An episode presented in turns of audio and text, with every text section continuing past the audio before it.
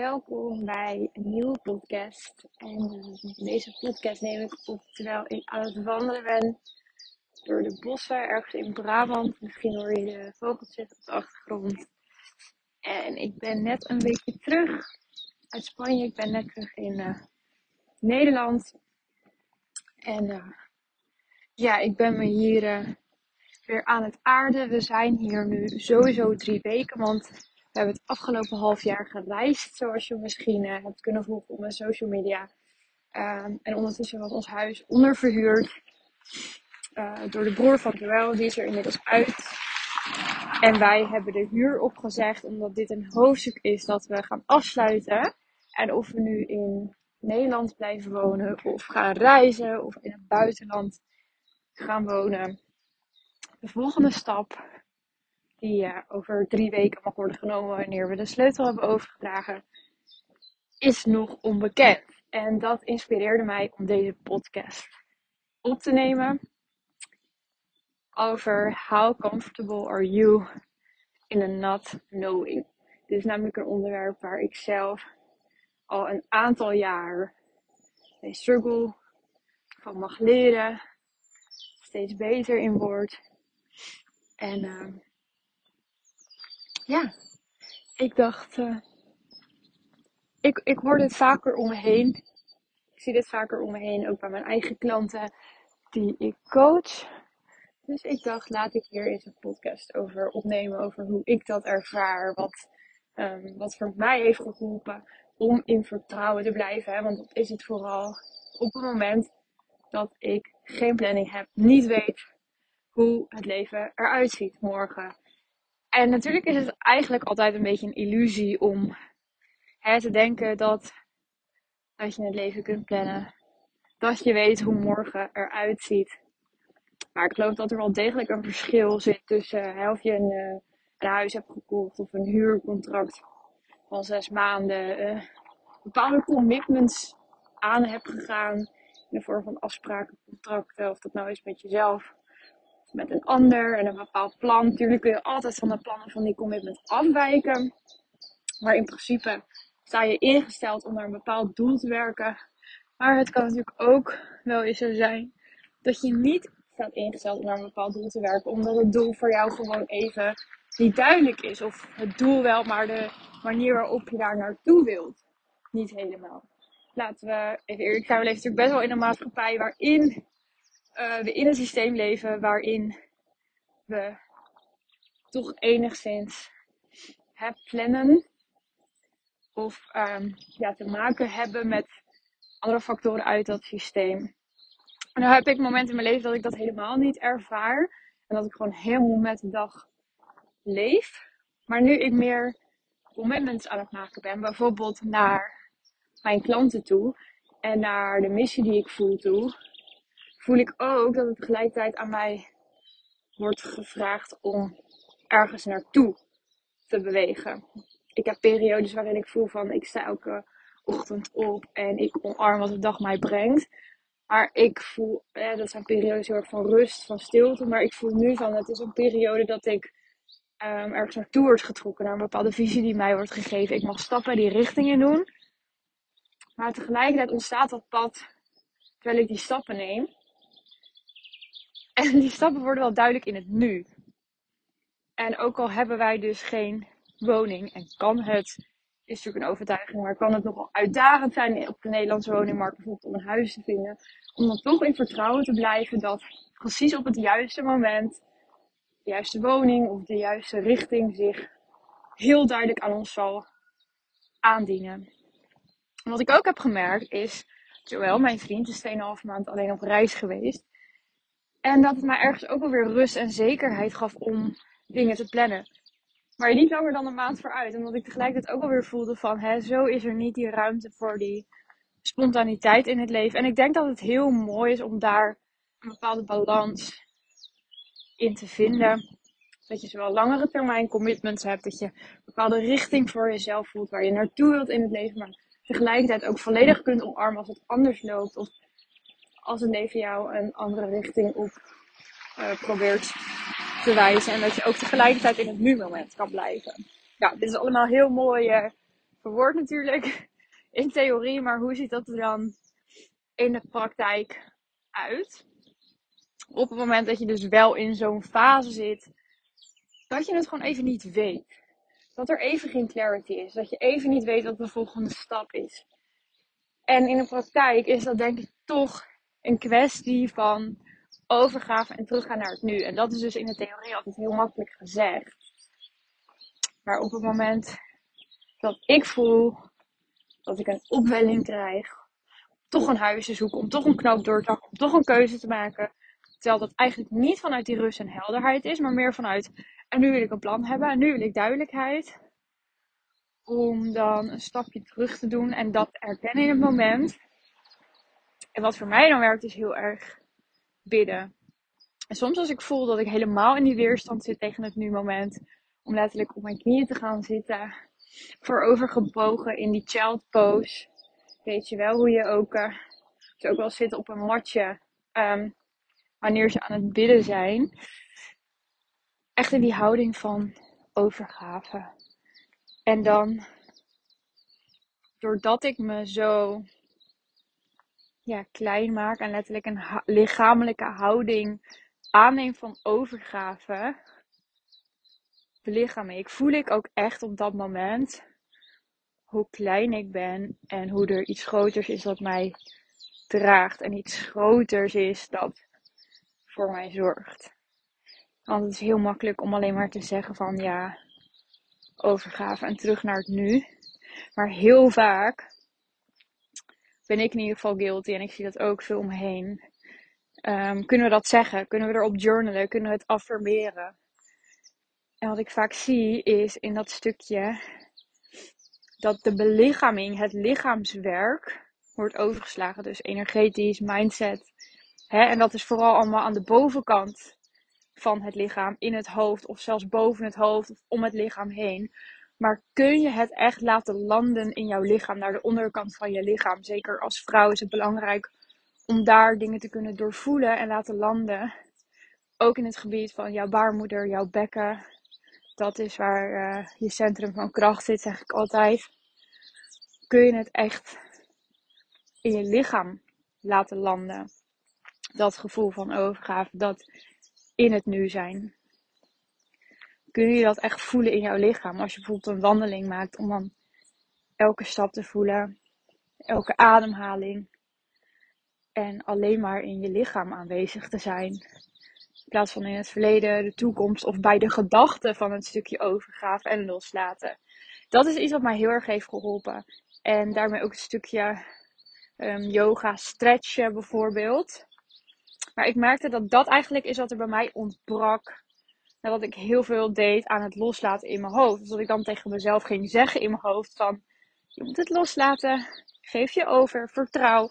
En dat er dan vijf minuten later dat ik toch weer een opwelling zat omdat ik het door had. En soms geef ik er nog steeds aan toe hoor. Soms ga ik nog steeds op Funda of op Airbnb in huis zitten zoeken. Of een plan uit zitten werken. En weet je, dat is ook oké. Vaak is het wel verspilde energie. En ik zie dat heel erg als het micromanagen van je leven. En dat geeft een gevoel van controle. Nogmaals, daar ben ik zelf ook heel erg schuldig aan.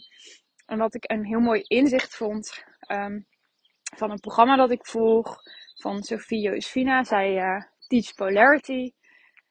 En bij haar programma Deeper Money gaat het heel erg over de polariteit um, in het stukje geld. En dat van hoe ga je ermee om op het moment dat je even niet die klanten hebt. Op het moment dat je even niet het geld hebt. Even niet de externe bevestiging. Als je even niet krijgt wat je wil. Als je even niet dat gevoel van zekerheid of controle of planning of structuur hebt. Hoe ga je daarmee om? Hoe ga je daarmee om? Specifiek ook als vrouw vanuit, um, vanuit de feminine. Op het moment dat je dat stukje niet kan geven of je voelt het niet van buitenaf. Hoe zorg je dat je het dan toch van binnen voelt? Dat je toch van binnen gecenterd blijft en in rust kunt blijven. In plaats van dat je in totale paniek schiet en, en in de controle en in het micromanagen van je leven. Om maar het gevoel te krijgen dat je nuttig bent of hè, dat je toch een beetje richting hebt in je leven. En ik vond haar mindshift daarin heel mooi. Uh, om het te gaan zien alsof je wordt opgewarmd, voorbereid. Alsof God of het universum met je speelt voordat het je zomaar iets geeft. Want als we alles maar in een nu moment gegeven zou worden, zou je dat waarschijnlijk niet eens kunnen dragen, niet mee om kunnen gaan. Of niet eens de dankbaarheid voor voelen, waardoor het ook een uitdaging wordt om het te kunnen behouden. En om het dus te gaan zien als een voorspel. Hebben, zij vergelijkt het ook letterlijk, tante achtergrond geloof ik zo, vergelijkt het letterlijk met, uh, met seks. Van, weet je, het is een heel verschil of een man jou gelijk penetreert, zeg maar. Of dat je voorspel krijgt, of dat je bijna erom smeekt. Maar dan blijf je wel nog op plezier zien. Je wordt steeds meer opgewarmd. Je verlangen wordt groter. Maar je gaat niet zeggen van, ja, Jezus, en nu ben ik er klaar mee en uh, hup, hup, hup, snel. Tenminste, dat, voor mij werkt het niet zo. Ik denk voor de meeste mensen niet. Um, dat is een heel verschil van die onzekerheid. Kun je met die onzekerheid zitten en tegelijkertijd jouw verlangen groter maken, maar in alle rust juist nog meer dat verlangen verwelkomen voor jezelf, omarmen, voelen, zonder dat je schiet in het gevoel van wat er nog niet is, wat er ontbreekt, welke verwachting je hebt, welke situatie je liever zou willen hebben. Om die momenten eerst eens die mindshift voor jezelf te gaan maken. Want 9 van de 10 keer zijn we pas in staat om iets überhaupt te kunnen ontvangen als dat is vanuit een plek, vanuit rust en dankbaarheid. Dan kan de energie naar ons toestromen. Dan kan het leven naar ons toestromen. En dat begint dus bij een stukje mindshift, maar ook vervolgens wat ik net benoemde, dat belichamen, dat echt voelen in je lichaam. Echt dat laten landen, dat ademen, dat, dat grounden in je lichaam. Want vanaf die plek gaat alles vanzelf. Het leven heeft onze micromanaging, onze begeleiding niet, niet altijd nodig om door ons heen te kunnen stromen. Sterker nog, de grootste verrassingen, de grootste manifestaties, zoals ze dat noemen, komen niet vanuit een plek van controle. Dat is wanneer wij kunnen loslaten en een bepaalde staat kunnen vasthouden, belichamen, waarin onze diepste verlangens naar ons toe kunnen komen. Maar dan op een manier dat die mooier is dan dat we het überhaupt zelf kunnen bedenken. Dus wat ik net al uh, ja, als mijn favoriete tips heb meegegeven, is dus het stukje van hoe kijk je ernaar, hoe ga je ermee om. Want dat triggert weer bepaalde gevoelens. Op het moment dat jij het wachten, die wachtkamer van het universum kunt zien als een plek waarop je wordt opgewarmd om jouw verlangens nog dieper te voelen en te omarmen en te kijken naar wat er al is en te vertrouwen, dan, uh, ja, dan heb je niet alleen meer rust van binnen uiteraard, maar dan is het ook makkelijker voor het leven om weer te kunnen gaan stromen. In plaats van dat het stagneert door jouw blokkades, door jouw staat van zijn. En ten tweede om die energie ook te laten landen in je lichaam. Ik had deze tips misschien beter andersom kunnen geven. Maar goed, ik ben aan het wandelen. Het stroomt gewoon. Om vervolgens ook die energie, die mindshift, om dat onder in je lijf te kunnen laten zakken, te voelen, te belichamen. En hoe ziet dat eruit? los van, van bepaalde oefeningen doen om in je lichaam te komen. Los van dat stukje zo letterlijk gaan liggen in overgave. Kan ook zijn dat jij het loslaat en gewoon wat anders gaat doen. Je focus verlegt, waardoor je het echt kunt loslaten. Dus ondanks dat jij nog maar 200 euro op je rekening hebt. En eigenlijk de drang voelt dat je nog meer zou moeten geven aan je bedrijf. Om dan gewoon te zeggen, weet je wat? Die laatste 200 euro, die investeer ik in die rust terugvinden in mezelf. Ik ga lekker een dagje naar de sauna of ik boek even lekker een huisje in het bos. En ik ga eerst eens terugkomen bij mezelf voordat ik van alles buiten mezelf ga zitten sturen en oplossen. Dan zul je zien dat 9 van de 10 keer als je in die staat komt, die rust. En dat is vaak de meest comfortabele, oncomfortabele keuzes maken. Mij is dat heel vaak geweest in het verleden op het moment dat ik um, bijna geen geld meer had om toch te kiezen bijvoorbeeld om dat te investeren in mijn eigen groei, in mijn eigen rust. En dan het in vertrouwen los te laten. Dat het wel weer goed komt, dat het wel weer terugkomt.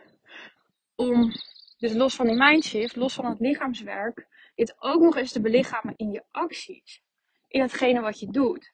Dus dan stroomt het door in hetgene wat je denkt, hetgene wat je bent en hetgene wat je doet. Dus zijn jouw acties ook nog eens in alignment met dat je vertrouwt. En dat betekent niet dat je dat vertrouwen continu hoeft te voelen. Hè? Dat je jezelf moet forceren in een staat van vertrouwen. Nee, het eerder jezelf um, het tegenovergestelde van forceren. Dus overgave. Erkennen dat je geen controle hebt. Het loslaten. En zelfs ondanks dat het ongemakkelijk voelt. Toch keuzes maken. Alsof je in vertrouwen bent. Want uiteindelijk, als je dat soort keuzes maakt, blijft er niks meer over. Behalve ja, de optie om je over te geven en te vertrouwen. Maar dat gaat vaak wel pas makkelijker op het moment dat we die keuzes ook maken. Dus ook al voelt het niet alsof je vertrouwen hebt, maak de keuze alsof je vertrouwen hebt. En vind dan rust in de keuze die je hebt gemaakt. Dus dan trek je dat stukje ook nog door in hetgene wat je doet. Ik, uh, ik hoop dat dit een beetje duidelijk overkomt. Dat ik niet te veel van de hak op de tak ga. Dat je denkt, waar heb je het nu over? toelichting kun je me altijd vragen trouwens uh, in mijn DM. Hè? Ik uh, ontvang graag ook jullie feedback op de podcast. Dus dat zijn eigenlijk een beetje mijn drie key points. Die ik heb geleerd waar ik altijd op terug kan komen. Want ik heb dit soort momenten, geloof me, ontzettend vaak. Want wanneer je aan het rondreizen bent en eigenlijk nog niet vastzit aan bijvoorbeeld een gezin, een baan, een huis, of nog niet, niet meer, dan ontstaat er veel meer die ruimte in het leven. Vaak bouwen mensen ook die ruimte juist in voor zichzelf, zodat ze die onzekerheid niet hoeven te voelen. Omdat het dan lijkt alsof ze controle hebben. Ik heb al die vastigheid en zekerheid heb ik losgelaten, waardoor er heel veel ruimte kwam voor dingen om naar mij toe te komen. Maar dat betekent ook soms dat ik daarop mag wachten, of dat ik nog niet de persoon ben die klaar is om hetgene wat ik het liefste wil te kunnen ontvangen. Dus dan zul ik eerst meer commitment moeten geven aan mijn persoonlijke groei, aan mezelf aan het belichamen van die vrouw, die ook daadwerkelijk hetgene dat ik verlang kan ontvangen. In plaats van dat dan toch te willen forceren, terwijl het eigenlijk nog niet de timing is, want dan zou het er wel zijn. Ja, nogmaals, het klinkt in de theorie heel romantisch. Praktijk erg ongemakkelijk. En uh, ik zou het ook niet mooier maken dan dat het is. Maar dat is wel ja, wat mij geholpen heeft op dit soort momenten. En dat betekent nogmaals niet dat het zo moet. Hè? Dat je niet de teleurstelling mag voelen. Dat je niet um, het verdriet mag voelen. Of de onzekerheid. Of, of de paniek die komt kijken bij het niet weten. Het, het niet even geen richting meer hebben. Laat dat er altijd eerst zijn ook. Misschien had ik die inderdaad helemaal aan het begin kunnen benoemen als tip. Dus ik hoop dat je er de hele podcast uh, bij bent geweest. Maar het mag er wel zijn. Want pas op het moment dat wij het doorvoelen, kunnen we dat ook loslaten. Dus begin daar altijd mee. Dus ik zal hem uh, even omdraaien nu. De podcast. In de juiste volgorde. En dat is één. Het toelaten en doorvoelen van het niet weten. En de emoties die daarbij komen kijken. Twee. Um, nummer twee. Je mind shiften. En in plaats van het gemis vergroten, juist het verlangen vergroten. En spelen met het verlangen, dansen met het verlangen, het verlangen omarmen. En vanuit die energie uiteindelijk het los kunnen laten nadat je deze energie ook echt volledig in je lichaam hebt kunnen laten landen. Dus niet alleen een mindje vanuit je hoofd, vanuit je energie, maar ook in je lichaam echt doorvoelen, doorgronden tot de puntjes van je tenen. Om vervolgens vanuit die staat iets anders te gaan doen, andere keuzes te gaan maken, het los te laten, te blijven bewegen richting je verlangens, maar wel volledig vanuit vertrouwen, loslaten, overgave. Hè? Dus die investering maken. Ja zeggen tegen het ene, nee zeggen tegen het ander. Een dagje naar de spa. Uh, die boswandeling gaan maken, ondanks dat het comfortabel voelt om tijd voor jezelf te nemen. 9 van de 10 keer is het ook echt puur tijd voor jezelf nemen, rust voor jezelf nemen of keuzes maken die je eigenlijk heel lang uitstelt omdat ze oncomfortabel voelen. Ja, dus dat zijn uh, een beetje mijn, uh, mijn tips voor deze situatie. En ik master dit nog helemaal niet volledig. Ik weet ook niet of ik dat ooit zo gaan doen. Maar ik heb behoorlijk mogen oefenen de afgelopen ja, twee jaar sinds ik eigenlijk ben gaan reizen. Sinds ik alles wat ik kende heb opgezet. Dus ik hoop dat jij iets aan deze podcast hebt gehad. En ik hoor het ook heel graag als jij um, ja, mooie, mooie tips hebt. Zodat ik die erbij kan zetten op social media. Dankjewel voor het luisteren. Mocht je iets aan deze podcast hebben gehad. Um, ik waardeer het heel erg als je hem wilt delen op je story. Of uh, mij een berichtje stuurt op Instagram. Absertia van de Benna. En dan heel graag tot de volgende podcast.